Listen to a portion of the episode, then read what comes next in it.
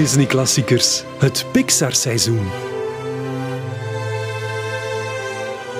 Elke aflevering bespreekt Robin Broos een Pixar-film samen met zijn centrale gast. In the best way.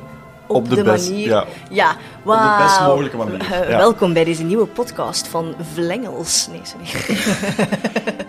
Oké, ik ga u gewoon aan het woord laten. Ja. Hey. Mag ik mijn eigen podcast? eh, Mag ik daar... eh, Hallo, welkom bij. Dit is een takeover. Ik vind het nu al goed eigenlijk. Ja.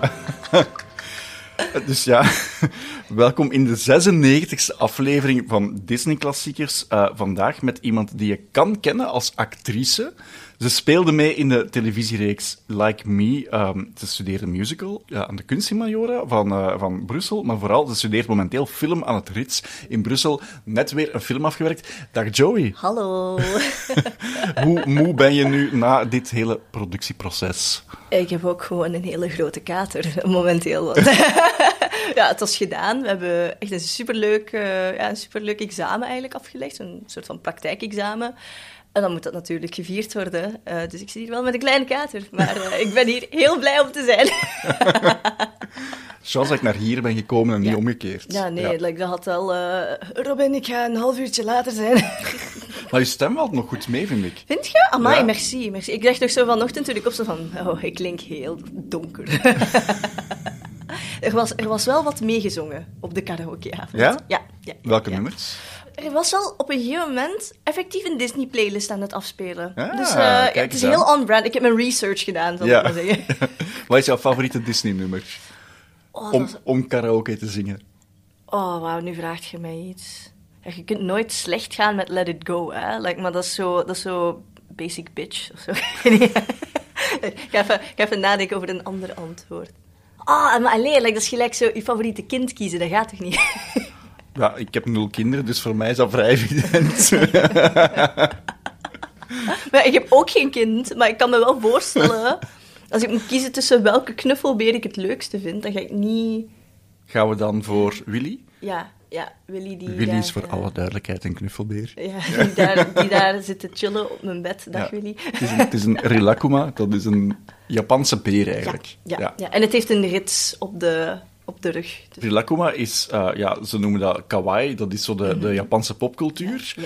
Ehm, ik weet dat je daar veel affiniteit mee hebt, met, eh, maar heb je ook affiniteit als kind gehad met, eh, met de Disney-wereld? Absoluut, absoluut. Bij mij was dat zo heel gek, want mijn ouders hadden ja, door, hun, door hun werkomstandigheden eigenlijk nooit echt tijd voor mij. Dus ik ben echt opgegroeid met kijkend naar een scherm de godganse dag. En dat was dan een combinatie van ja, Studio Ghibli-films en Disney-films. En dat was vaak ook zo dat mijn mama zo al die Disney, like zo die, die, die oude VHS-tapes zo, hè. Dan kocht ze die zo in drie verschillende talen. Dus zo in het, in het Kantonees, in het Nederlands en in het Engels. Waardoor dat, dat zo'n hele rare mishmash heeft gecreëerd in mijn hoofd of zo. dus ja, ja. Dus van verschillende films heb je eigenlijk drie versies gezien. Ja, ja, ja. ja. Dat is wel cool. Ja, nee, dat, was, dat is eigenlijk wel een slimme manier om je kind zo wat ja, meertalig op te voeden of zo. Dus eh, ja, nee, ik kan alleen maar mijn ouders bedanken van, ah, merci om mij altijd voor een tv te zetten.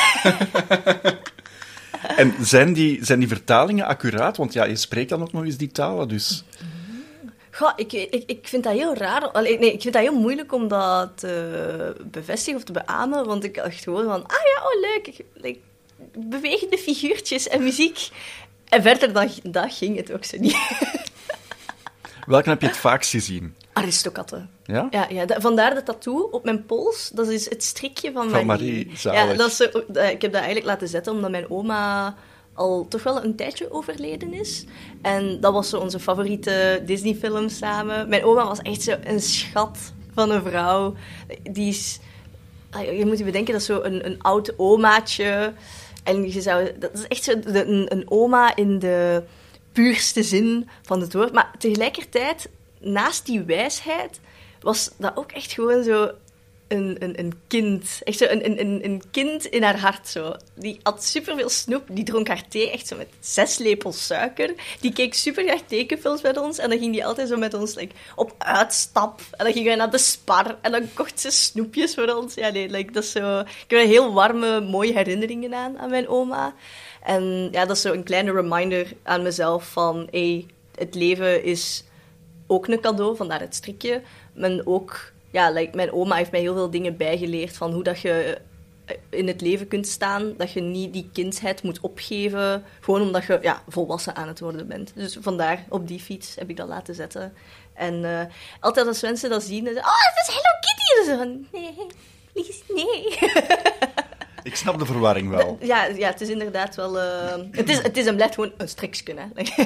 en het, het hoort bij een kat, dus dat is toch ook ja. al wel Oh ja, nee, ik had er nog niet maar Hello Kitty is een meisje. Ja, Marie ook.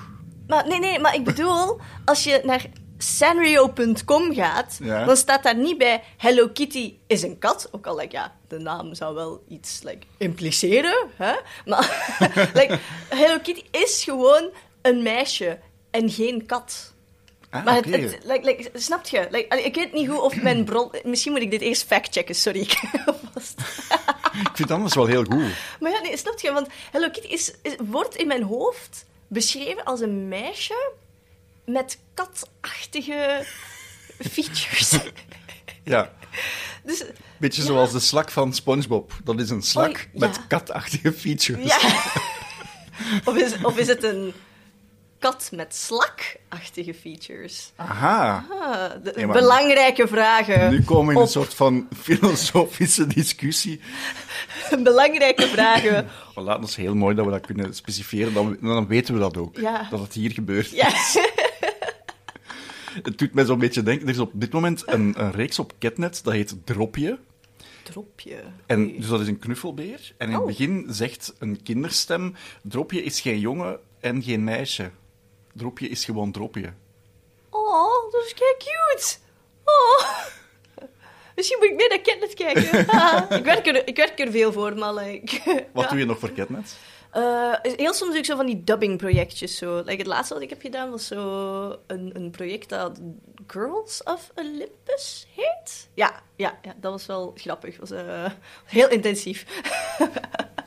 uh, het gaat zo over zo drie meisjes die op dezelfde school zitten en ze raken alle drie per toeval bevriend met elkaar. En oh, per toeval zijn dat niet gewone meisjes, maar reïncarnaties van Griekse godinnen.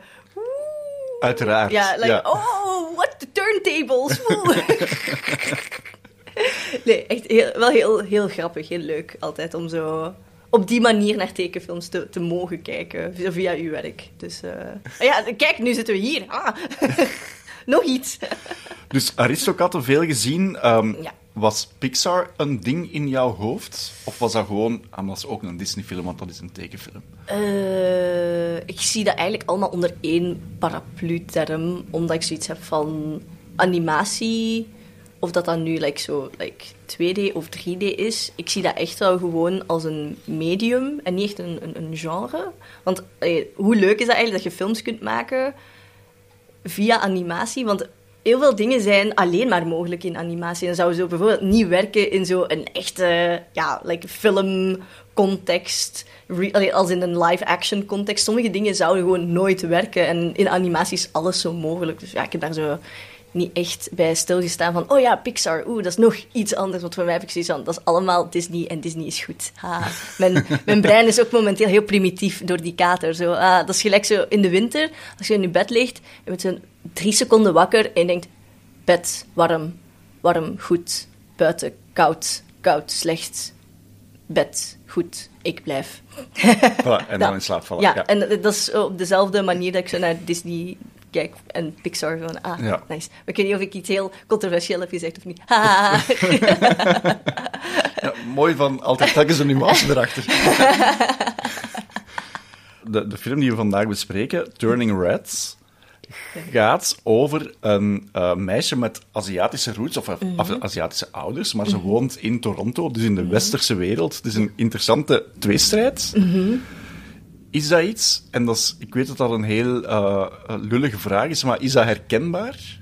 Absoluut. En ik vind het geen lullige vraag, want die film heeft zoveel voor mij betekend, dat... Ik, ik, dacht gewoon, oh my god, een rode panda, leuk, cute, ah.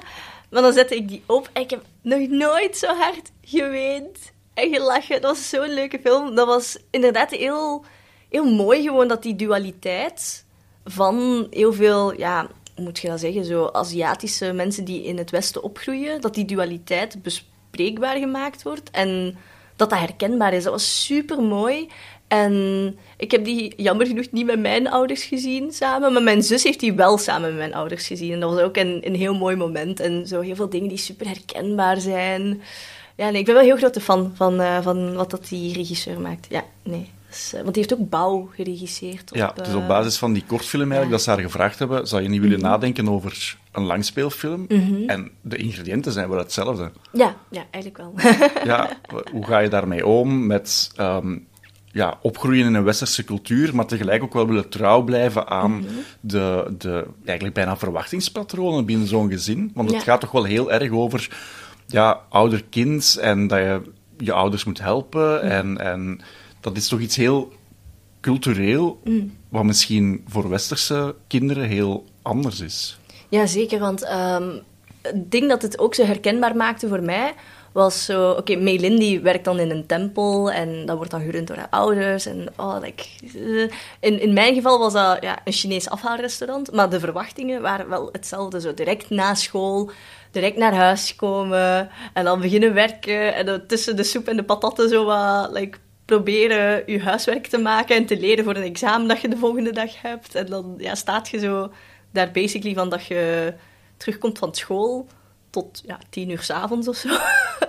en dan is je dag ook voorbij. en ja, nee, dat was wel heel herkenbaar in dat opzicht van, ah ja, dan moet je zo opgroeien. Want als kind dan luister je gewoon naar je ouders, maar dan kom je in die adolescentie terecht. Je wordt, ja, je bent begonnen aan zo die route van kindje slash meisje naar echt vrouw worden. En je wilt zo dingen exploreren en zo met vriendinnen afspreken. Zo die, er is zoiets heel magisch aan zo, zo een, een, een meisjesvriendengroep hebben. Dat is zo echt iets dat ik zo niet heb gehad in mijn jeugd, dat ik echt heb gemist. En dat was zo mooi om dat te zien en therapeutisch om dat te zien. Maar, oh, zo, ja, dat gevoel van vriendinnen die altijd u, u zullen steunen en zo. Ik vond dat echt een heel, mooie, een heel mooi aspect in die film. Ja, ja. En het is gewoon super herkenbaar op dat vlak. Bekeerd afgedwaald.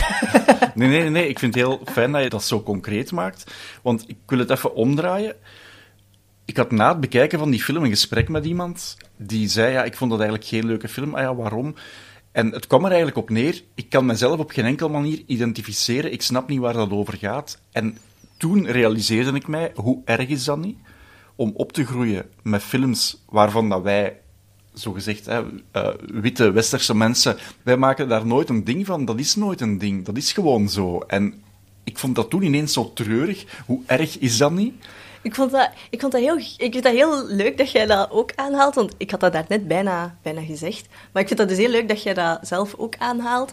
Want ik vond dat super gek dat superveel van mijn witte vrienden die film echt haten. En ik dacht, oei, maar waarom? En eigenlijk kwam het er op hetzelfde neer van, oh ja, ik begreep het eigenlijk niet goed waarover dat ging. En dat was ergens wel ook heel treurig, gelijk dat je zegt, maar ook heel uh, hoe was het, was het Nederlandse woord dat ik aan het zoeken ben? Um, ik, het, zeg het anders in het Kantolees. Ja. nee, het was aan de ene kant inderdaad heel treurig, gelijk dat je zegt, maar ook heel erkennend van mijn ervaring van hier op te groeien als ja, Aziatische Nederlander, Aziatische Belg. Ik zit daar zo wat tussen te zweven, ik weet het zelf niet zo goed. Je bent in Nederland geboren? Ik ben in Nederland geboren en daar wel gewoond, maar dan eigenlijk het merendeel hier opgegroeid. Maar ik heb mijn paspoort nooit veranderd. Dus ja, het is een beetje een beetje gekke, eh, gekke situatie, waar ik zelfs er niet heel goed van op de hoogte ben wat ik aan het doen ben. Um, maar ja, nee, dat... dat, dat erkende ergens wel zo dat gevoel dat ik altijd wel heb gevoeld van ondanks hier op te groeien, bij te dragen aan deze samenleving, maar toch nooit genoeg zijn. En dat gevoel heb ik dan ook weer als ik terug naar Azië ga. Want eh, dan, dan zitten mijn familieleden en oh, daar is ze weer, die boerin van het Westen. Oh, like, geen merkkledij, niks aan, like, zo niet fashionable. En zo, oh, zo individualistisch like, opgegroeid. En nee, like, daar ben ik een banaan, want allee, daar vinden ze me dan te wit. En hier ja, zie ik er niet uit als de rest. Dus ja, ik vond, ik vond dat zo een heel hoe moet ik het zeggen, een, een heel gek gegeven altijd om op te groeien in deze omstandigheden. Want je bent wel deel van beide werelden, maar je hoort in geen een van de twee thuis. En dan is het eigenlijk aan onze generatie, zo de tweede, derde generatie Aziatische Belgen, Aziatische Nederlanders, die dan hier opgroeien, om zo eigenlijk ons eigen plekje te maken en zo ons eigen bestaan te valideren en te erkennen van kijk, wij zijn hier en wij mogen niet gewoon zijn. En ik vond, dat, ik vond dat heel mooi aan die film ergens. Dat dat voor sommige mensen dan superveel betekende. Voor mij betekende die film superveel. En voor andere mensen, ja, die vinden daar dan geen... Die vonden daar geen toenadering in, of mhm. geen erkenning of zo. En dat bewijst ergens wel het punt. Exact. En dat vond ik daar zo mooi aan. Zo van, ja, kijk, het is niet iedereen zijn kop thee. Dat moet ook helemaal niet. Maar het enige wat ik dan wel hoop, is dat ze daar wel naar kunnen kijken met een andere blik of zo. Ja, of we kunnen eigenlijk alleen maar hopen dat dit soort verhalen gewoon vaker verteld worden, zodat het niet meer als atypisch wordt beschouwd. Want ja, zelfs, het, het, gaat heel specifiek over een Aziatisch meisje, maar je zou net zo goed kunnen zeggen, dat gaat ook over een Marokkaans meisje, die misschien ook um, thuis dingen ervaart van verwachtingen van ouders en daaraan willen tegemoetkomen, maar tegelijk ook wel met uw vriendinnen op stap willen gaan en zo niet goed weten van, ja, die spreidstand, dat moet gewoon super ingewikkeld zijn. Zo een vriendin van mij, like Christina de Witte, like Kostin, zij beschreef dat ooit eens zo als, ja, zo niet vlees zijn, niet vis zijn, maar zo iets ertussenin. Zo. Ja, dat, dat, dat voelt heel echt zo. Ja. Terwijl dat je waarschijnlijk zelf, ik weet het niet, hè, maar zo komt het bijvoorbeeld in zo'n film voor mij dan wel heel erg over. En die film is gemaakt door iemand die zelf in die situatie zat. Dus dat is voor mij eigenlijk het, uh, het enige aanknopingspunt. Maar het is ook wel een situatie die je niet kunt bespreken in die aparte wereld. Je kunt niet tegen je ouders zeggen, ja, maar ik voel mij hier niet goed bij, want ik zou eigenlijk nu graag dat willen doen. Je kunt ook niet tegen je vriendinnen zeggen, ja, maar ja, goh, thuis wordt nu dat verwacht. Het is zo, ja, je zit er alleen mee. Ja, ja, absoluut, absoluut. Ik heb wel gelukkig een, een oudere zus die eigenlijk hetzelfde heeft meegemaakt. Um, maar ja, nee, uiteindelijk, je vindt daar ook wel een balans in. Want mijn ouders, ook al werd dat wel van mij verwacht, die hebben mij nooit eigenlijk iets ontnomen of gezegd van... Ah ja, nee, dat, dat, mocht je niet doen. Maar dat heeft mij wel heel veel verantwoordelijkheidszin gegeven. Ik ben daar echt zo mee opgegroeid van... Oké, dus ik moet eigenlijk gaan werken... Maar ik moet eigenlijk ook nog mijn huiswerk maken, want uh, ja, ik heb morgen een toets van dat vak en een toets van dat vak. En ik moet nog mijn woordjes van Latijn leren tegen uh, die dag dan. Mm, ja, oké. Maar ik wil ook naar de dansles gaan. En als ik naar de dansles wil gaan, dan moet ik mijn tijd een beetje beter indelen. Eh, dan moet je echt al zo als ja, jongvolwassene zo gaan beginnen nadenken van hoe deel ik mijn tijd in? Hoe ga ik verantwoordelijk met mijn tijd om en met mijn geld om. Ehm, want ja, als je zo jong begint te werken, dan ja, helpt je echt wel mee aan het familiebedrijf om centjes binnen te halen. En dat heeft mij wel heel erg gevormd tot de persoon die dat ik ben vandaag. En met momenten was dat soms niet leuk, maar aan de andere kant ben ik daar ook wel gewoon heel dankbaar voor, voor mijn ouders dat die dat hebben gedaan op die manier. Want dat heeft mij wel een pak verantwoordelijker gemaakt. Ik heb een goed hoofd tussen mijn schouders. En dat komt wel door hen. En het was niet altijd leuk. En ik denk dat dat ook wel bespreekbaar wordt gemaakt in die film van... Ja, kijk, eigenlijk wil ik mee gaan karaoke met mijn vriendinnen, maar ik moet eigenlijk ook naar huis, want mijn mama verwacht dat van mij. Ah. En dan op het einde van de... Oei, wacht, mag ik dat wel zeggen? Is dat een spoiler? Uh, wie, wie, wie, het niet wilt weten, moet nu 30 seconden doorspoelen. Nee, maar zo op het einde van de film, dan zie je wel van... Ah ja, ze heeft dan zo'n soort van... Ja, afspraak gemaakt met haar mama van... Oh ja, dus... Um, ik heb even meegeholpen, maar nu ga ik mijn eigen ding doen met mijn vriendinnen. En dan kom ik later weer terug. En ik, ik vond dat zo mooi dat dat zo ik kon. En eh, dan denk ik dat die papa zo die kartonnen versie van zo, ik zo de panda zo opzet en dat hij dan zo inspringt. ik vond dat zo mooi. Dat was echt een, hele, echt een heel mooi einde. En ja, dat doet hij wel zo kijken naar zo uw eigen situatie van, ha, dat zou nice zijn geweest. Ja, ik kan me voorstellen dat dat voor ja, de ouderfiguren in zowel de film als in het echte leven, dat dat voor hen minstens even moeilijk is. Want zij komen uit een cultuur waar bepaalde verwachtingen zijn. Zij geven dat uiteraard, dat is heel natuurlijk, gewoon zo ook door aan de kinderen. Maar die kinderen groeien op, op ergens anders. En ze hebben daar zelf misschien niet meteen zo dat besef van, van ja, dat dat gewoon heel erg moeilijk is en complex is. Mhm. Ik denk zo... Voor mijn papa was dat zeker heel heel heftig, omdat hij op zijn twaalf naar Engeland uh, is verhuisd met mijn opa. Want mijn opa die werkte eerst in de haven van Hongkong. En ja, natuurlijk, dat was een heel andere tijdsgeest en uh, ja, weinig geld en veel kinderen. En oh, hoe gaan we dat oplossen? En dan was ze, ah, in het westen, daar is geld te verdienen. Ah, we gaan daar naartoe. en dan is mijn papa eigenlijk meegegaan. En uh, hij heeft die cultuurshock wel heel hard moeten ervaren. En ja, volgens mama, zij is op haar 18 eigenlijk gekomen naar Nederland. En ze zijn elkaar daar dan zo wat tegengekomen in een werksetting. Um, dus ja, nee, like voor hen was dat ook wel heel hard zo... Toch verwarrend, want ondanks dat mijn papa heel jong naar hier, naar het westen is gekomen, heeft hij altijd wel heel hard zich vastgehouden aan zo die, die traditionele waarden van ja, echt dan thuis, thuis. Het is raar om het te zeggen, thuis, thuis. maar ja, nee, die, die heeft ons altijd wel heel Aziatisch opgevoed. Dus um, ik voel mij ook wel meer Aziatisch dan dat ik mij Nederlander of Belg voel. Maar als ik dan in Azië ben, ja, dan ben ik niet genoeg. um, ja, nee, dat is, dat is een hele gekke tweestrijd, een heel gekke dualiteit om u in te begeven. Um, maar ja, gelijk, gelijk dat ik ook al zei, like, je, je maakt deel uit van twee werelden, maar je hoort niet thuis in beide volledig. Maar dan moet je gewoon zo dat, dat tussenoverlapje vinden dat jouw stukje aarde is of zo. Like, ik ben echt zo in een, hoe noem je dat? In zo'n diagram aan het denken met zo de twee cirkeltjes. Mhm. En dat ik daar zo tussen aan het, like, zo die, die, die, die kleine... De deelverzameling. Ja, zo de, de kleine amandelvormige shape zo tussen de Maar het is mooi, je bent het ook ondertussen aan het uitbeelden. Dat zien de mensen niet. Maar... Ja, nee, dat, ja, jammer hè. Ik ga misschien, voor wie de film nooit gezien heeft, en dat zijn er jammer genoeg veel te veel, heel kort de inhoud meegeven. Mm. Dus het gaat over uh, Melin, of Mei Mei, zoals ze genoemd wordt door haar familie. Een uh, eh, 13-jarig Chinees-Canadees meisje. Ze woont in Toronto.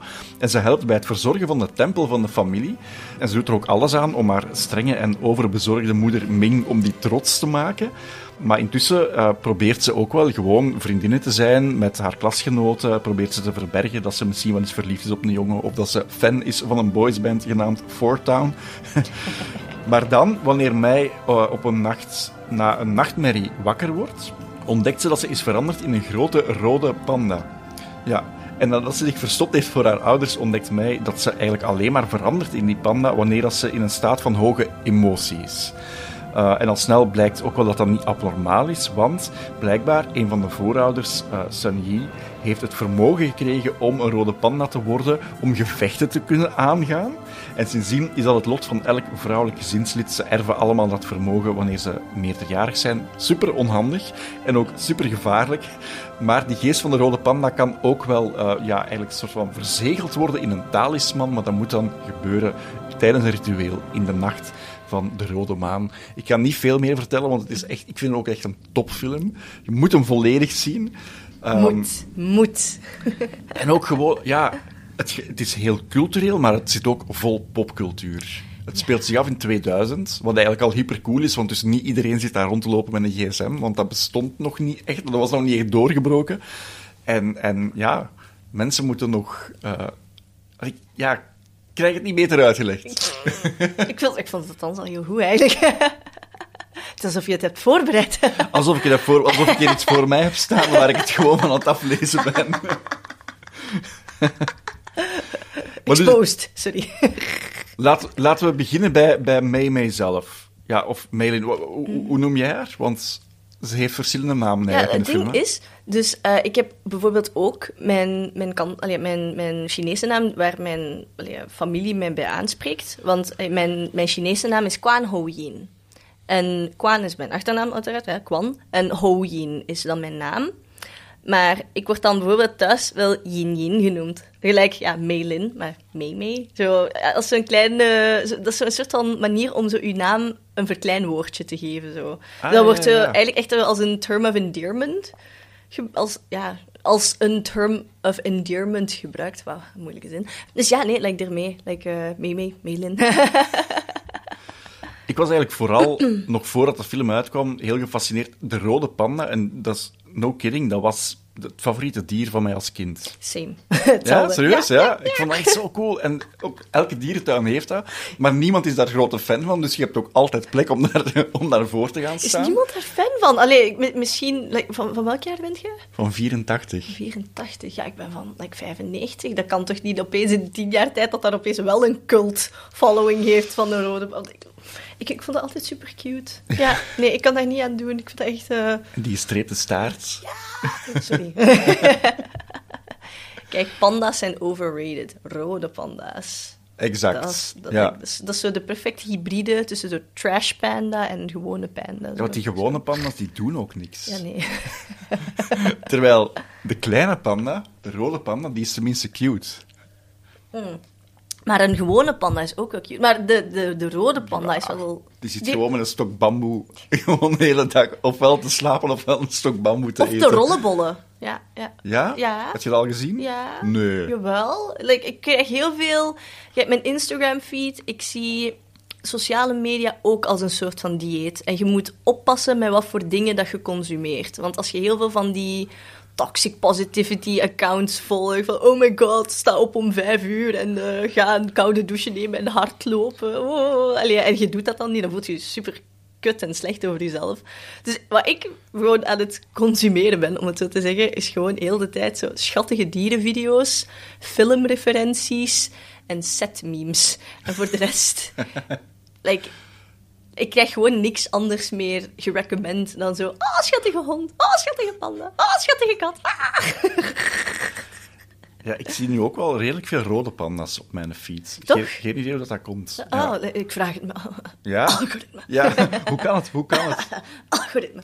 En voor de rest zo mashups. Zo'n DJ die dan zoiets aan het draaien is, zo hip-hop, en dan ineens zit daar Star Wars tussen. En dan denk ik van, ja, ja, ja, wel goed gedaan, goed gedaan.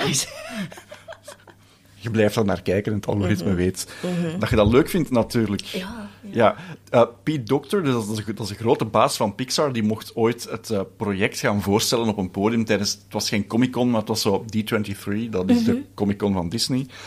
En daar had hij het voorgesteld als... eh, het is eigenlijk de Hulk, maar dan cuter. Dat is een goede beschrijving. Oei, sorry. Dat is een goede beschrijving. Gelukkig dat daar een plofkap op zit. Ik heb dat Ja. al getoefd, sorry. ja, dat is inderdaad al een goede beschrijving. De Hulk, maar cute. Ja, Ja, ja. En ha hariger, ja. ja, ja, gewoon... Fluffy. Maar echt, van het moment dat die dat wordt, dan wil je die toch vastpakken. Ik vond dat zo zielig dat ze zo probeerde zo met zo twee haarborstels zo haar wangen zo te kammen. Ja. En dat daar zo kalmeert. Helpt dat? Ik weet niet. ik zie dat je het proberen bent. Ja, maar- ja, ik weet niet. Ho- hoort je dat ook dat ik het aan het proberen ben? Hoe heet dat weer? Zo, eh, zo van die geluidjes maken in... ASMR. Ja, ja, ja, ja. ik weet niet. We registreerden dat überhaupt waarschijnlijk niet. nee, ik weet niet. Maar kunt jij dat zo niet? Ja? Dat kan ik niet, nee. Nee, like dat. Maar like dan, ja. Kijk, zo'n podcast, zo de video, dat gaat heel chaotisch zijn bij mij, want ik ben een heel visuele verteller met heel veel gebaren en Maar ik- dingen uitbeelden. Ik Dus ga het af en toe gewoon ook ik, ja, af en toe gewoon uitleggen ja, wat er aan het gebeuren is ondertussen voor wie het niet ziet. De film begint eigenlijk al met een geweldig shot waar dat, ehm ja, Melin zichzelf voorstelt.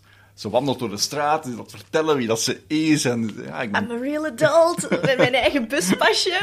24-7. Toen wist ik al, ja, dit ga ik leuk vinden. Ja, ja, ja. Oh, dat is zo leuk. Oh. Je hoort ook in, in de achtergrond heel veel Kantonees. Like, eh, ja, in, qua gesprekken en zo, omdat het ook zich zo wat half in Chinatown be- bevindt daar in Toronto. Ja, nee, het was echt heel leuk om dat zo te zien. Oh, dat is mijn moedertaal.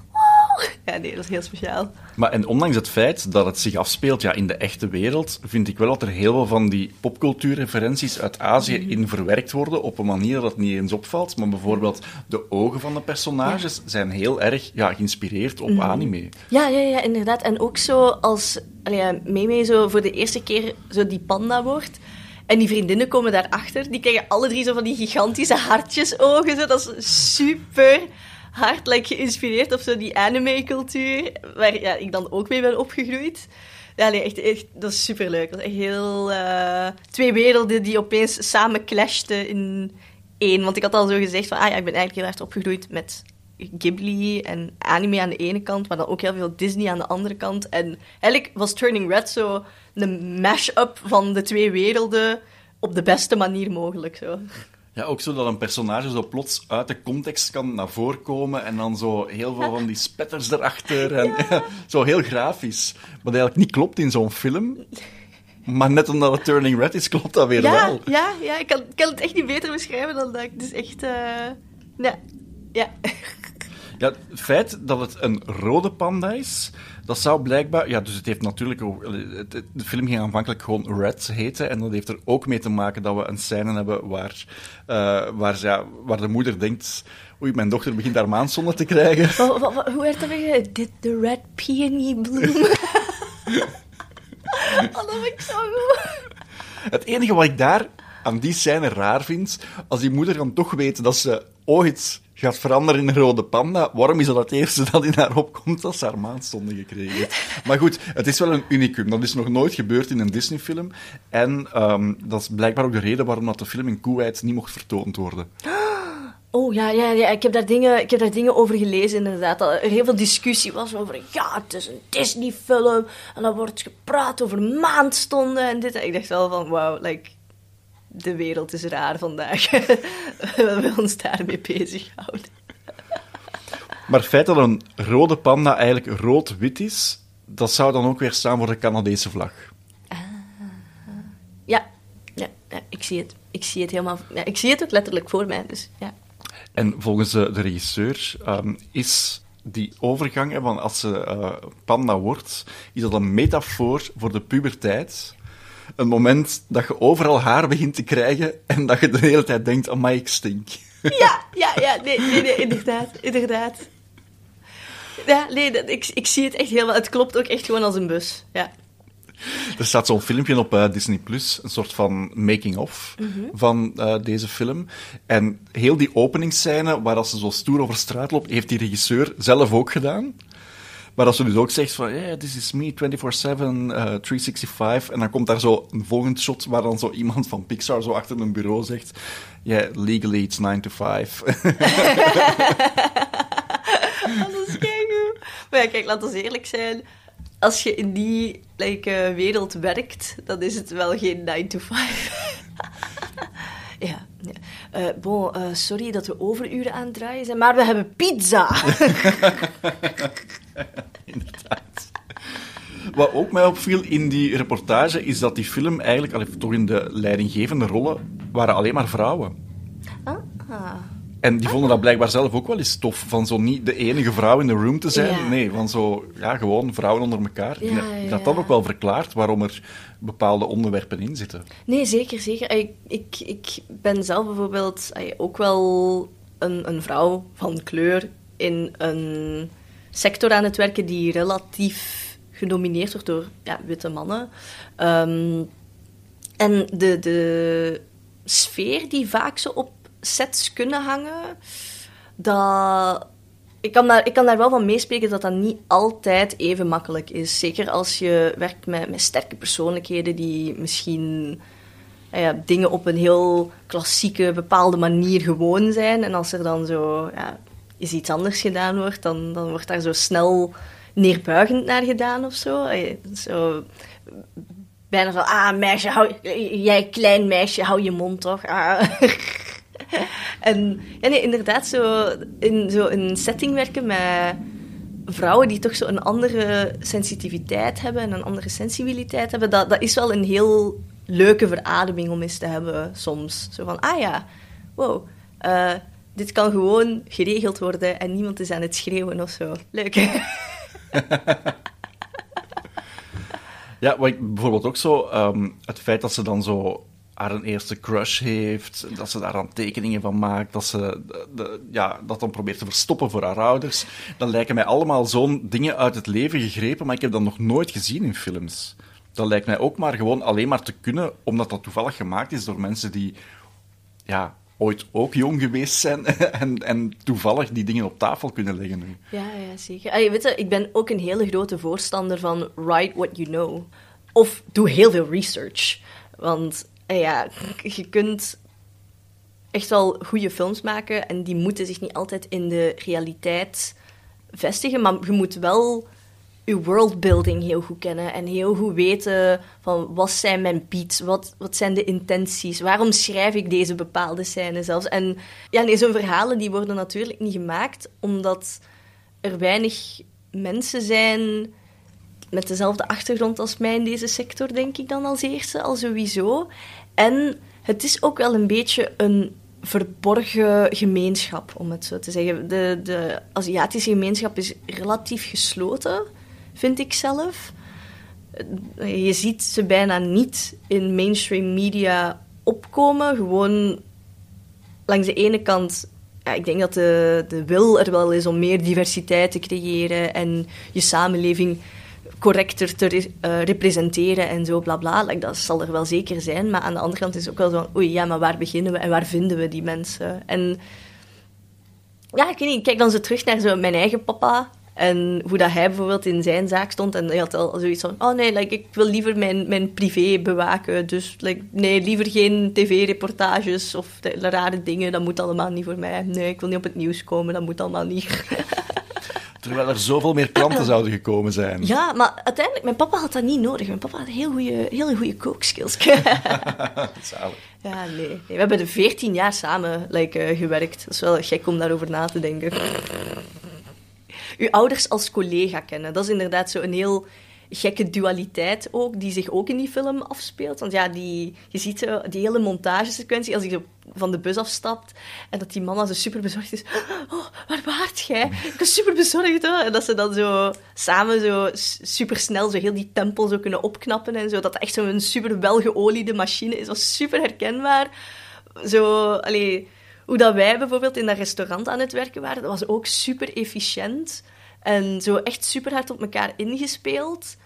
En ja, dat, dat creëert een hele rare band. Ehm, mijn, mijn ouders zeiden altijd zo dat alles wat dat we samen konden winnen, dat wonnen wij samen. Maar alles wat we verliezen, verliezen we ook samen. En dat geeft zo een heel gekke band met uw ouders, dat bijna ouder- en kindrelatie transcendeert. Of zo. Mhm. Het is zo zelfs nog heftiger, omdat je samen met je ouders werkt en zij rekenen op jou, maar jij rekent ook op hen.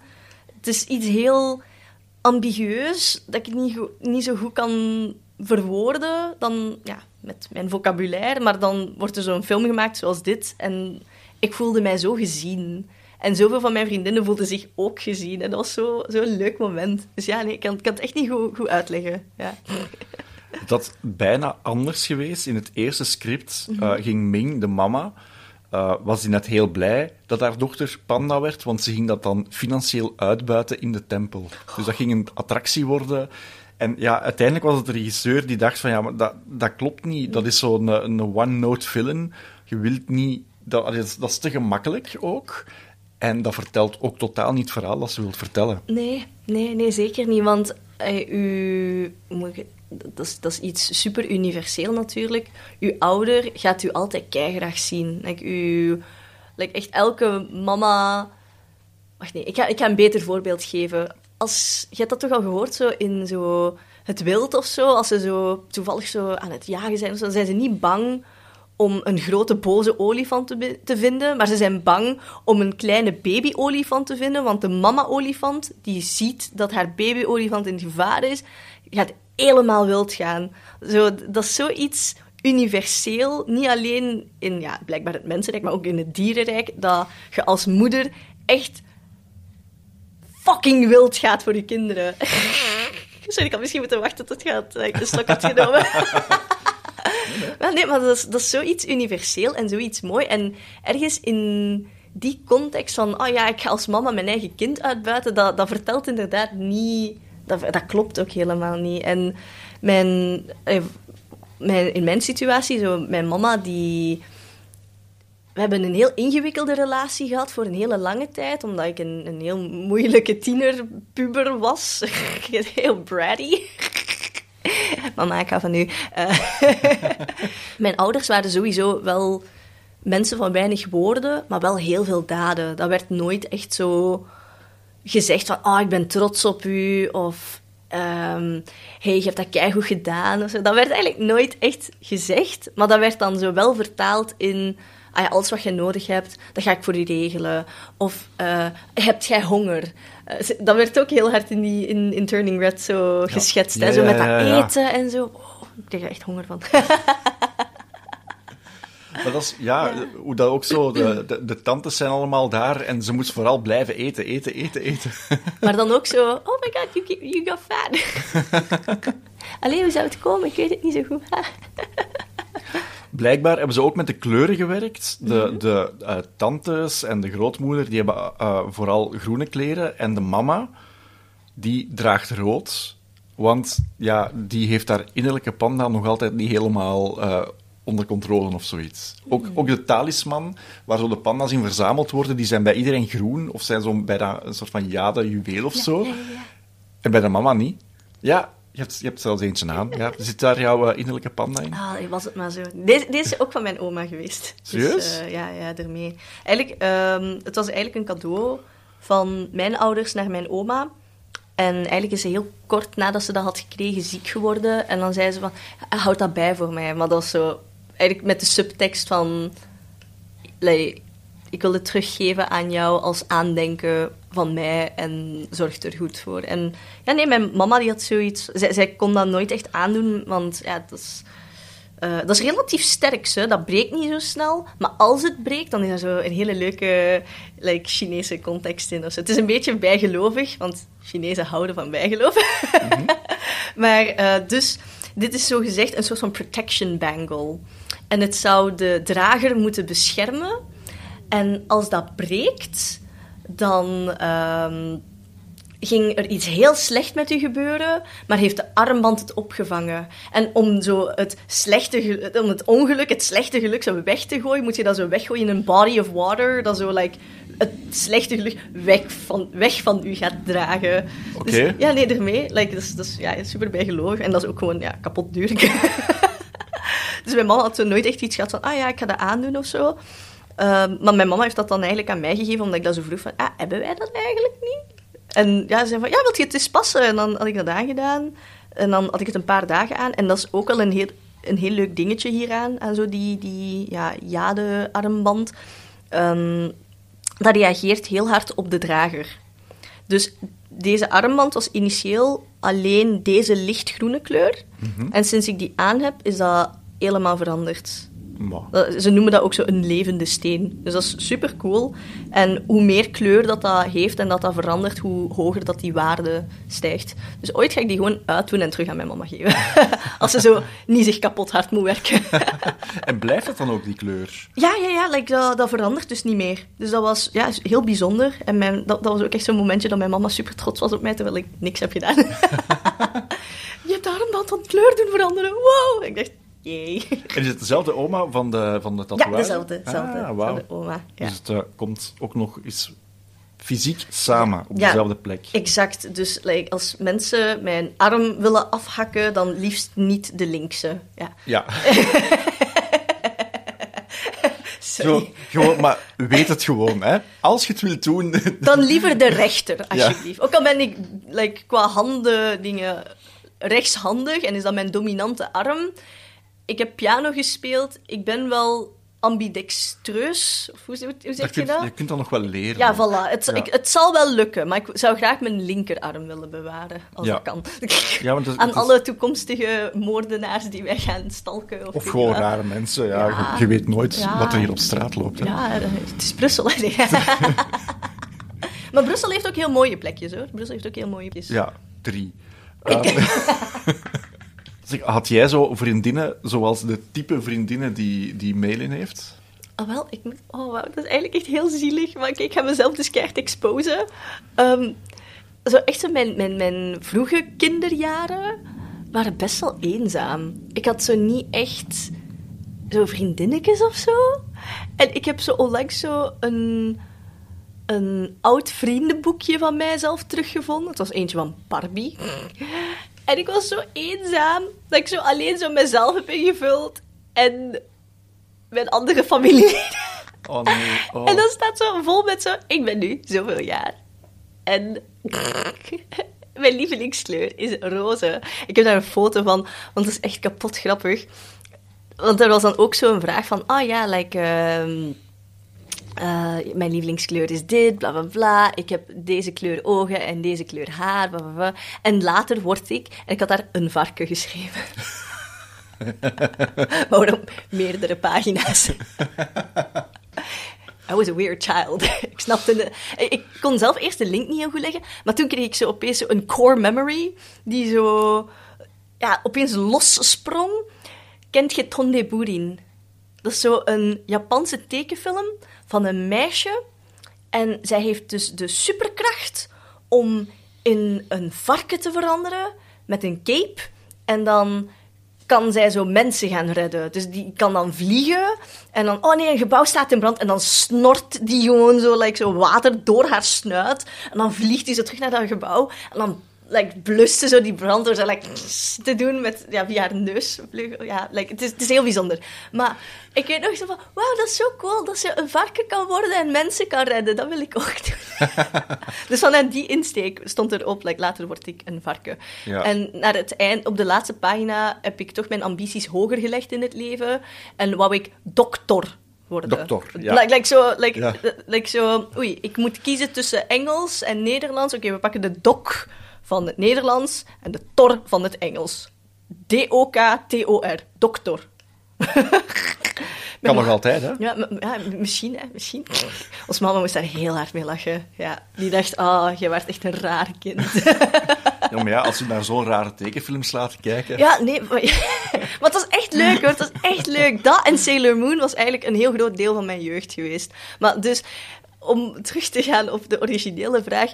Ik had, zo nooit, ik had wel vriendinnetjes en zo losse vriendinnetjes en zo, maar echt zo een, een vaste vriendinnengroep, dat had ik zo niet echt echt gehad of zo. Dat is echt zoiets dat zo pas op latere leeftijd zo eh, is, is ja, binnengecijpeld in mijn ja, bestaan. En daarmee dat ik dat echt wel een hele fijne film vond. Van, oh, dat is kei leuk om zo echt een vriendengroep te hebben. Zo, met echt meisjes. Zo. Want ik ben dan wel heel hard opgegroeid als zo'n beetje een, een, een tomboy. Dat komt ook wel grotendeels door mijn oudere broer, want die is een pak ouder dan mij. En ik vond die zo cool dat ik zo gewoon hem wou zijn, eigenlijk. Dus ofwel een varken, ofwel je broer. Ja, ofwel varken, ofwel broer, ofwel dokter. Ja, Dokter. Ja, ja, dat waren de opties. en ja, nee, mijn broer was zo'n heel grote gamer. En ik ben daar dan ook helemaal mee opgegroeid. Met Final Fantasy, met... met ehm, oh, wat heb ik nog allemaal gespeeld? Met zo Crash Bandicoot, like zo... Heel veel dat soort games gespeeld dan. En ja, nee, als je dan zo wat ouder wordt, dan, dan vind je zo sneller affiniteit met zo de jongensgroep. Maar dat is dan ook weer zo'n hele andere dynamiek of zo, dan met echt zo meisjes samen zitten. En nu zit ik zo ja, op filmschool en heb ik echt zo een, een vriendinnengroep. Ik heb dan ook zo door het werk dat ik heel veel in Antwerpen zat, heb ik ook zo'n vriendinnengroep in Antwerpen, dat ook super leuk is. Zo, dat is eigenlijk heel gek. Dat is zo mijn manager, basically. En dan zo Christina, zo een hoop andere mensen die Shannon dan ook representeert. en we hebben zo, ja, zo, zo een vast klikje. Dat is super tof, super leuk. Maar dat is echt iets dat pas op latere leeftijd eh, in mijn eigen leven is gecijpeld of zo. En ik vond dat daarom zo mooi dat ik dat zo kon zien in Turning Red. Van, wauw, like, als je zo een vriendinnengroep hebt, dat, dat is toch heel anders om zo een, een soort van... Ja, oh, sirenes in Brussel? Oké. Oeh, heeft dat dat opgepikt? Ik heb geen idee. Dat is, ga- iemand, dat is iemand die onderweg is om uw arm af te hakken. denk Ah ja, ik. voilà. voilà. Ze, ze staan al klaar met medische bijstand. nee, was het hier? We waren daarnet zo bezig over zo... ehm, ja, dat gevoel van zo... Die samenhorigheid dat je voelt als je als meisje zo naar een toilet gaat op een feestje en iedereen is zat en iedereen is gewoon zo tampons en maandverband aan het uitdelen met elkaar. En zo elkaar liefdesadvies aan het geven. Ah, like, je verdient beter, you queen. Ah. Dat dat zo'n heel bijzondere ja, vorm van sisterhood is. En zo samenhorigheid tussen meisjes, dat zo leuk is. En ja, zo echt zo een... een zo echt die, die vrouwelijke energie zo omarmen, dat is echt zo mooi. En ja, ik vind dat ze dat in Turning Red, dat dat heel goed vastgelegd werd. Want je had dan wel natuurlijk zo... Ah ja, een vriendin die zo... eh, Met die roze haarband en die is zo like, super sassy. En dan heb je zo'n super coole laid-back like, chick. Dat is zo... Ik vond dat heel leuk dat daar zo binnenin die vriendengroep ook zo hele andere types waren. En dat ze dan zo toch samenhorigheid vinden bij elkaar, omdat ze een liefde delen voor Fort Town. En dat is zoiets typisch. Ik heb dat nooit echt in een vriendinnengroep gehad, maar ik had dat wel heel hard met mijn zus. Want mijn, zus en ik zijn ook zo, ja, zo opgegroeid met ja, zo die, ja, zo echt die goede 90s muziek, die je dan zo in de nillies aan het luisteren bent. Oh, en mijn zus was dan ook zo'n heel grote fan van K-pop, en dan ben ik daar ook zo in meegezeeld. En ja, nee, like zo dat, dat fangirlen om zo'n boybands, dat heb ik echt al meegemaakt. Ja, die Fortran is eigenlijk een combinatie van inderdaad K-pop aan de ene kant en aan de andere kant zo, ja, NSYNC, Backstreet Boys. Ja. Het is echt wel keigoed gedaan, hè? Ja. Oh, my, maar, like, Billie Eilish en haar broer hebben daar toch aan meegewerkt, hè? Ze hebben die nummers geschreven. Ja. ja, dat is zo goed. Dat- Het heeft echt zo die, ja, zo die poppy vibe van die tijdsgeest. Ze hebben dat echt super goed vastgelegd. Ik vond dat echt heel leuk. En ik heb dat ook gewoon heel vaak geluisterd. Ja.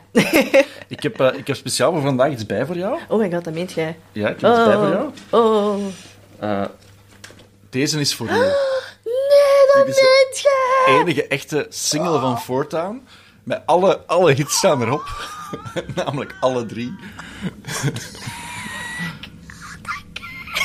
Oh my god. Wees. Hoe leuk, merci. Allee. Er zit wel al meer diversiteit in dan eh, in die Dan in die de Backstreet. Boys, ja. Dan in die tijd gewoon was.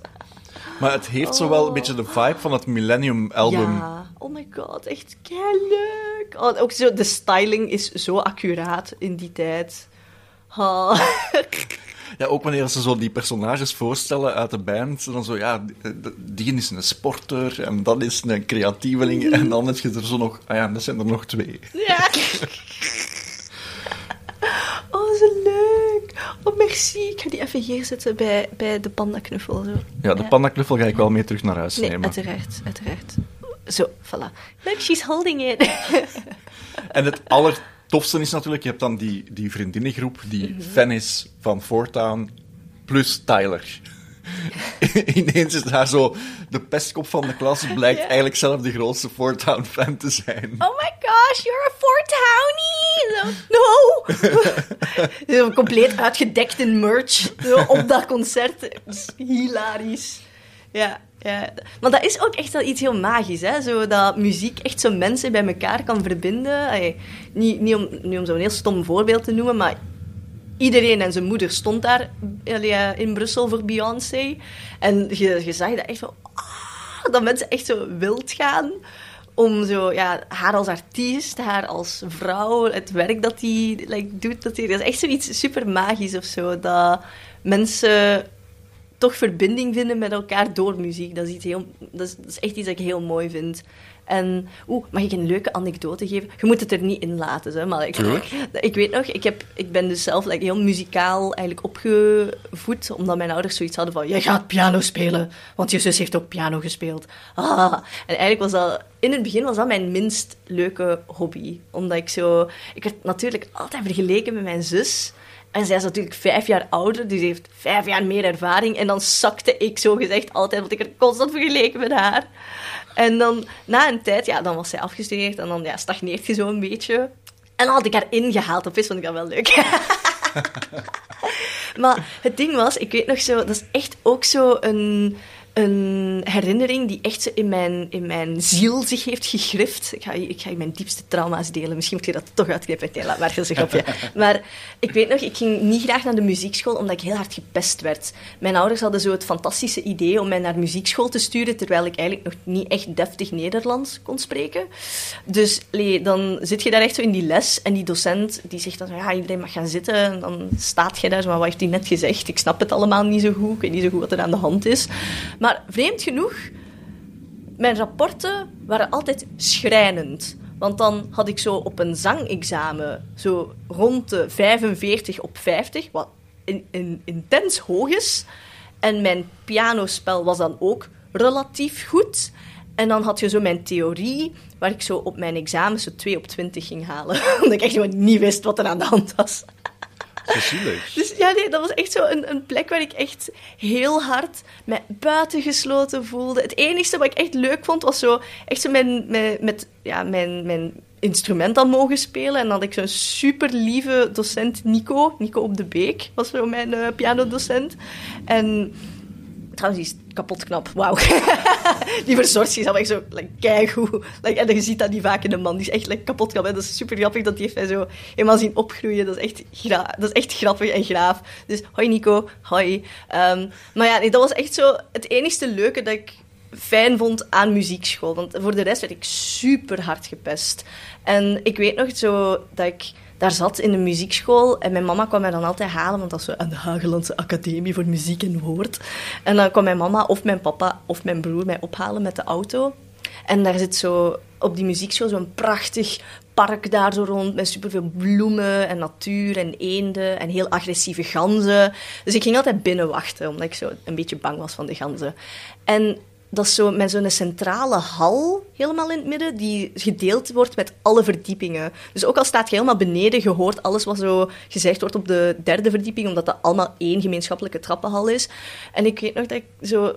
Like, ja, dus er waren zo drie mensen en zo twee meisjes waren zo mij aan het ja, pesten en zo aan het roepen van helemaal boven naar beneden.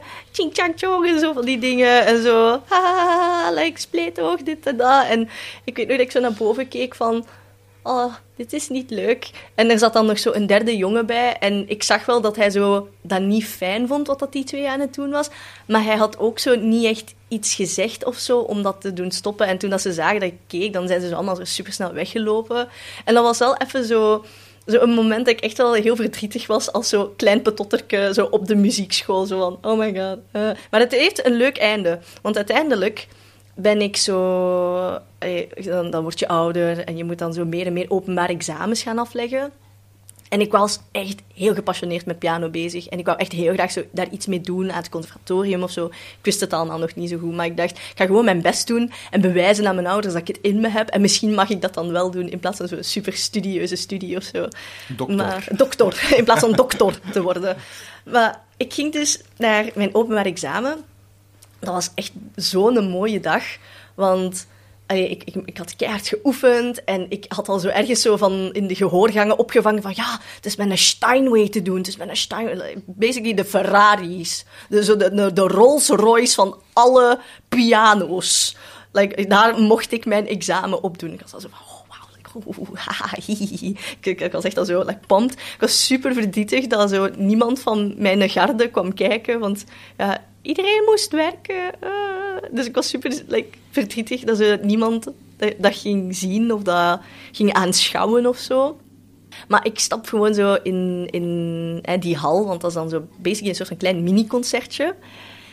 En ik leg zo mijn examen af. En ik krijg zo'n staande ovatie. En de jongen die jaren geleden toen bij die meisjes stonden die mij aan het pesten waren, die was keihard voor mij aan het klappen. En ik weet nog toen ik hem zo herkende van... Oh, wow! Wat cool! Like, muziek verbindt mensen met elkaar. Cool. Ik had 97 gehaald op dat examen. Wow. Ja, I know. Maar het was niet genoeg om mijn ouders te overtuigen. En uiteindelijk like, heb ik dat niet gedaan. En dan ben ik toch iets met muziek gaan doen. Allee. Wat heb Ze je gedaan? Ehm, ik heb, nadat ik van het middelbaar af was gestudeerd, ben ik interieurdesign gaan doen hier in Brussel. Maar ik was daar ook heel goed in. Dat is moeilijk, hè? Goed zijn in van alles. oh, oh, oh, woe is me. Maar nee, ik werd daar echt niet gelukkig van. En ja, uiteindelijk heb ik gezegd van... Mama, ik wil denk ik iets met muziek en musical of zo gaan doen. Ah, ja, mijn ouders kwamen echt helemaal uit de lucht gevallen. Wat ga jij nu doen? Je werd jij goed bezig. Stop daar eens mee. Stop eens met je leven moeilijker te maken dan dat het is. Eh, maar ja, nee. En dan uiteindelijk is dat allemaal heel goed uitgedraaid. En nu ben ik iets aan het studeren dat ik echt helemaal leuk vind. En echt helemaal mijn ding is. En eh, ja, het komt allemaal wel op zijn pootjes terecht. Want ik weet nog zo... Ik had dat echt gevraagd aan mijn ouders. Van, mag ik alsjeblieft iets met muziek doen? Ik wil kijken naar het Lemmens Instituut of zo. Ja, ik weet niet zo. Ik, ik zag zo dat, dat schema van hoe dat zo... Uw planning eruit zag. Ik dacht zo, wauw, dit is gewoon mijn droom. Maar dat ging echt niet lukken. Zeker niet met zo het restaurant. En dat kost natuurlijk allemaal ook heel veel geld. En dat stond niet voor mij in de sterren geschreven. Maar kijk, uiteindelijk, hoe je het ook draait of keert, je komt wel zo op een punt terecht waarvan je denkt van, ah ja, oké, het had toch zo moeten lopen. En ik denk dat mijn leven er heel anders had uitgezien, moest ik zo een carrière achterna zijn gegaan als concertpianiste slash dirigent, wat ik eerst wou doen, en wat ik nu aan het doen ben. ja, nee, ik heb toch ergens een beetje mogen beleven en meemaken. En die, die gouden platen en zo, mijn papa heeft die ook zo gewoon allemaal opgehangen in de living. Maar het ziet er heel grappig uit, want ik heb nu basically zo precies zo'n kleine Joey shrine. Heel mijn living is zo precies zo dedicated aan mezelf. Maar dat is niet door mij gedaan, dat is door mijn papa gedaan, voor alle duidelijkheid. Allemaal zo kinderfoto's van mij in Disneyland, zo al die gouden platen, zo dubbel platina platen, dat je daar zo zit van... Papa, dit is wel heel veel. Ja, maar ook, Ja, dat, nee. ook dat lijkt mij iets heel Aziatisch, zo trots zijn. Ja, en het dan op die maar- manier uiten, maar het niet zeggen. Oh, oh, Robert, mag ik iets heel cute delen? Tuurlijk. Dat was zo... Dat was, eh, kijk, toen dat ik daarmee afkwam... Eigenlijk heb ik in het begin... Durfde ik dat niet ja te zeggen op zo... Dat van Like Me. Ik durfde dat niet. Ik dacht zo... Dat is veel te veel verantwoordelijkheid. Je, weet, zo, dat, je moet dat ook ergens wel erkennen, dat als je een catnetgezicht bent, dat je dan wel een bepaalde verantwoordelijkheid met je meedraagt of zo. Want je bent letterlijk mee andere mensen aan het opvoeden. En ik vond dat een heel grote verantwoordelijkheid. En ik, alles wat ik doe in het leven wil ik ook echt wel volledig goed doen en mij volledig daarvoor inzetten. En ik nam dat echt wel heel serieus van, ga eigenlijk, ik weet niet echt goed of ik daar überhaupt klaar voor ben. En eh, mijn baas van toen, eh, Thomas, die heeft mij dan zo gebeld van, kijk, meisje, je gaat er nooit echt klaar voor zijn. Dus spring er gewoon met je beide voeten in, want je gaat, dat gaat zo leuk worden. En dan, hij had gelijk, want dat was echt super tof, dat was super leuk. En ik heb daar zo een mooie vriendschappen aan, aan uitgehaald. Dat was echt een hele gekke periode. Ehm, maar ja, nee, mijn ouders die stonden daar zo heel ja, sceptisch daar tegenover. Dat is allemaal zo'n wereld die dat ze helemaal niet kennen. Ah, tv en, en media, like, die zitten eigenlijk gewoon heel de tijd in de keuken. En de wereld was zo, ja, eigenlijk thuis. En de klanten die dan ja, daar kwamen. En mijn ouders die hadden zo niet echt een die wisten niet echt wat ik aan het doen was. Kreeg ik het gevoel. Ah ja, ik ga werken, hè. Ah ja, wat hield dat in? Ja, ik heb eh, van dat uur tot dat uur dansrepetities gehad. Dan denken die, huh, dansen, dat doe ik toch als hobby? Maar toen kwam zo die, die eerste Like Me première ehm, van seizoen 1. En ja, nee, dat is natuurlijk zo super raar, want niemand had eigenlijk verwacht dat dat zou ontploffen op de manier dat het is ontploft. Het was eigenlijk een beetje Four-Town-achtig, hoor. Like, de manier waarop dat, het, eh, ja, ja, ja. dat het zo aangehaald werd en dat dat echt verwelkomd werd, was echt super, super cool en een beetje... Ja, zo, eh, zo, oh my god, is dit echt? Zo, zo, ja, een beetje verwarrend of zo tegelijk. Ja, mijn ouders die komen daar dan zo aan. En ja, ik word daar dan zo super like, goed behandeld. Like, alles wordt zo voor mij gedaan. Ehm, die, like, wij worden super goed verzorgd. Dan worden wij zo op een podium geroepen. Dat je zo denkt van, huh, wat is dit allemaal? Wij krijgen zo bloemen. Dat ik, ik heb daar nog bloemen van bij. Ik heb die gedroogd en geplet zo.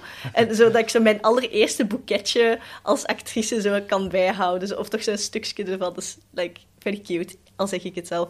Maar, dus mijn ouders die zitten daar en mijn man is zo, is dat Peter van de su- Zij was eigenlijk zo basically Mee Mee en Peter van de Veire was een van de Fortown like, eh, Ja. artiesten. Dat was echt super grappig. Dat is Peter van de Veire. Ik luister daar elke ochtend naar. Wow! Nee, meer de Céline Dion, zoals Ming in de film. eh, zo. Ja, ja nee, eigenlijk dat. En die was zo van haar melk. Van, ah, zeg jij dit aan het doen? Of, wow. En ik weet nog zo, ja, dan werden zo de eerste twee afleveringen getoond van dat eerste seizoen. En ik dacht zo, wauw, dit is echt heel raar. Wow, wat doe ik hier? Like, ik had niet echt gedacht dat ik hier zou staan op deze leeftijd en dat ik dit aan het doen ben of zo. En uiteindelijk, ja, dan komen, komt mama zo naar mij toe en die is zo super emotioneel en die is zo super trots, maar ze weet zo niet hoe dat, hoe dat ze dat moet zeggen. Dus die komt gewoon zo op mij af en ik ben zo aan het knuffelen. Er is ergens een Tijkmijk-reportage waarin dat, like, ik zo keihard aan het blijten ben, zo met mama knuffelen, van we hebben keihard gewerkt, look at us now. Like, we kind of, we're kind of doing something right, I think. Uh. Maar dus mijn mama was zo like, super zo, oh, wat goed, oh, wat leuk. En mijn papa, die stond daar zo helemaal zo van achter in die tribune, zo met zo zijn armen zo achter zijn rug zo. En die wist echt niet wat hij moest doen. En die had gewoon zo tranen in zijn ogen. En die wist echt niet goed wat dat hij moest zeggen. Ik had hem nog nooit zo gezien. Ik had hem nog, hij heeft dat ook nog nooit zo echt geuit naar mij van, ik ben kei trots op u of zo. Maar dan hoor ik zo, ja, nu, nu dat hem overleden is, en dan hoor ik zo van mama achteraf van, ja, like toen dat wij zo waren komen kijken in het Sportpaleis en zo, en dan waren komen kijken in de Lotto Arena, dan was papa ook echt een en al tranen. En dan denk ze van, oh, like, dat had ik wel graag gezien of zo meegemaakt of zo. Dat dat, ja, nee, maar dat Ja. wordt zo niet echt ja, voor je gezicht gezegd of zo. Dus en ook echt heel bijzonder, ja. Dat is echt heel cute. Ja, en dat is denk ik dan ook weer heel erg herkenbaar in die film. Hè? Ja, ja, absoluut. Zo dat nooit echt durven zeggen van ik ben trots op u of zo dat eeuwige oh ik wil mijn ouders trots maken. Dat is echt wel iets heel universeel, denk ik. Maar oh, ik, heb, ik ben zo momenteel nu een boek aan het lezen over dat heet Crying in Hate Mart en dat is geschreven door een muzikante met eh, ik denk dat zij half Zuid-Koreaans is en ja, nee, dat gaat dus eigenlijk over haar, eh, haar relatie met haar mama. En dat dat ook een heel ingewikkelde relatie is. En dat dat ook zo'n heel specifieke manier van opvoeden heeft. En ja, nee, heel veel van die elementen herken ik dan ook weer in Turning Red. Zo die, die heel bijzondere moeder-dochter dynamieken. En dat je zo vaak het gevoel krijgt als kind dat de liefde van je ouders bijna conditioneel is in plaats van onconditioneel. Want als je braaf bent en je doet je best en je hebt iets goed gedaan en je hebt de vitrinekast uitgekuist of zo, dan eh, krijg je ja, superveel complimentjes van je ouders. Maar als je dan iets slechts doet, dan noem me nooit meer uw moeder. Dat zijn van die dingen die zo blijkbaar toch heel specifiek zijn en toch heel universeel. En ja, dat zijn zo van die elementen die dan super hard terugkomen in Turning Red. En ik denk dat daarom misschien dat voor sommige mensen dat dat niet echt heel duidelijk was van ik kan daar geen kan daar geen affiniteit bij vinden, want dat klopt helemaal niet. Die moeder is toch super overdreven. Maar als je dan naar je, als Aziatisch persoon zo kijkt naar je eigen mama, zo van nee, die is echt gewoon zo. die is gewoon zo. Like, die houdt zoveel van haar dochter. En die probeert zo hard haar best te doen. En toch komt dat zo heel verkeerd over. Gelijk zo dat die zo eh, op campus ground zo probeert binnen te sneaken om zo haar dochter zo maandverband te geven. Ma'am, you cannot be here. Allee, dat zijn zo van die dingen die ja, toch zo weer heel universeel zijn. En ja, ja nee, like, dat, dat, dat, dat was iets dat ik echt super hard herkende. Maar ja, dan andere vrienden van mij die niet mijn achtergrond delen, dan zoiets hadden van ja, ik snapte dat echt niet.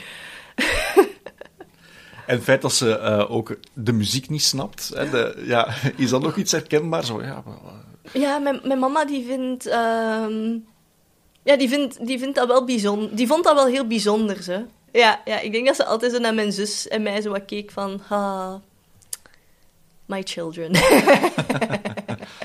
voortaan, die zijn met vijf, ik snap het niet. Die zijn met vijf, waarom, like, waarom heet dat dan vier? en vier is een slecht getal, hè? In, Ja, eh, ja, daarmee waarschijnlijk, ja, dat ze ja. dat zo, zo freakt. Bad luck. Dat was toch zo op het einde? Met die, met die Fortown keychain, zo. Ah, slecht geluk. Ze hadden beter in met acht gezet. Dan was het wel oké. Ja, maar ja, met acht in een band, dat... In Korea doen ze het, hè? Ja, Toch? ja, dat is waar. Het Ja. zijn bijna zo legers. Zo. Iedereen krijgt ene zin. Ja, hier zijn de rollen mooi verdeeld, hè? Ja, ja, toch wel. Toch wel. Maar eh, wacht, je weet toch waarom dat 8 een goed, een goed nummer is, hè? Nee. Oké, dus 4 is slecht, omdat 4 klinkt fonetisch heel hard op sterven. Ah, Want ja. Oké. say is 4 en say is doodgaan slash sterven. Dus daarom is dat slecht. En heel, in heel veel gebouwen in, in Azië heb je zo geen vierde verdieping of zo. dat is heel grappig. Dus dan springt je gewoon van 3 opeens naar 5. Ja. Ehm, maar 8, dat klinkt fonetisch heel hard als hetzelfde woord voor snel rijk worden. Pa is 8 en fa is snel rijk worden. Dus ja, nee, daarmee, like, i- iedereen wil zo, zo op het achtste verdiep wonen. Of zo een, een, een nummerplaat hebben met heel veel achten erin. Ja, nee, dat, is, dat, dat gaat heel ver. dus ja, nee, daarmee. Like, leuk weetje. Over leuke weetjes gesproken, er zitten ook wel wat trivia-dingen in. Oh, Ehm, Er is een, een eh, sticker van Finding Nemo in de badkamer. oh, oh van- oei, van dat had ik niet gezien. Ja. Nu wil ik dat wel opzoeken. Turning Red Finding Nemo. Oh my god, ja, ik krijg het al hier. Oh ja! Oh my god, ik zie het! Oh, wat leuk! Oh, dat is nice. Oh, ik vind dat heerlijk. Ik, ik vind het echt leuk. Als er zo leuke easter eggs in zitten, dat is echt mijn kryptonite in films. Er is een, een logo van Bao, van de kortfilm die ze gemaakt heeft, kan je Ja. in de straat zien. Ja, ja, ja. Ja, natuurlijk, de, de boeken die ze aan het lezen zijn, dat is een parodie op Twilight. Want je ziet ook dat dat zo Ja, keihard hetzelfde vormgegeven Ja, is. ja, dat is super. Ja, ik moest daar heel hard mee lachen.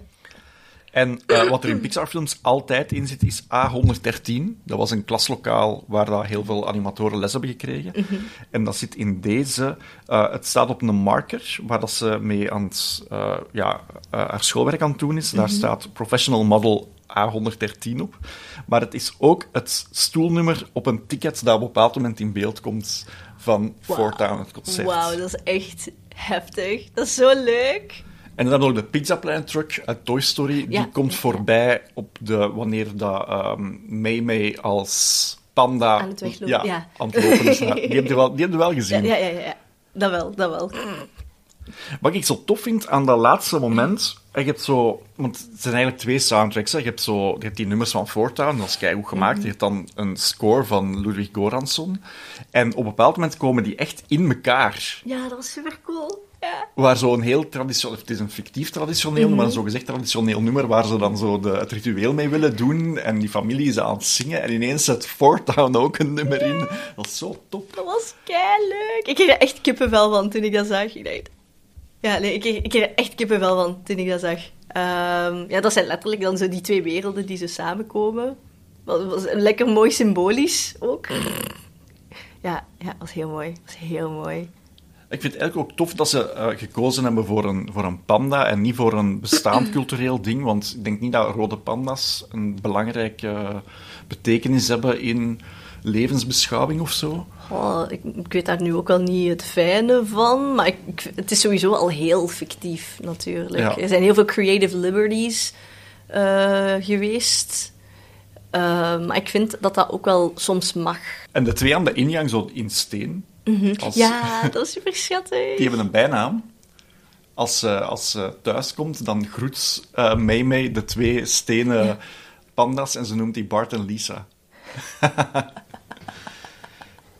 Dat is super cute. Echt een topfilm. Echt een topfilm. Hoe vaak heb je hem, heb je hem al gezien? Vier. Erg. Sle- slecht, slecht. slecht cijfer. Ik moet hem Nog een eens vijf. kijken, ja, Ja, voilà, ik kan nog eens kijken en Ja. dan heb ik zo mijn sins weggewashed.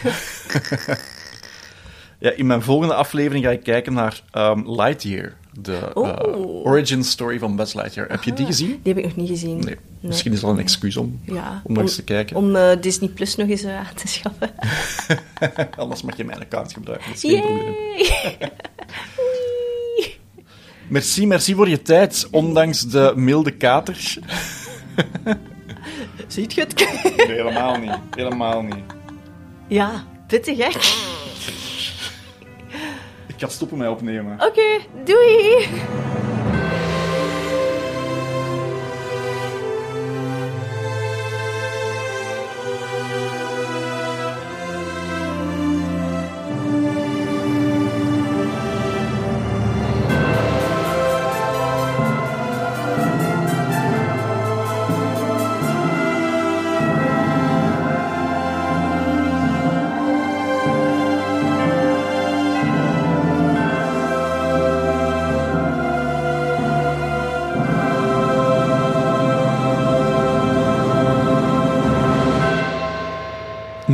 Je vragen of opmerkingen naar robin.robinbroos.be of post ze onder de hashtag Disneyklassiekers.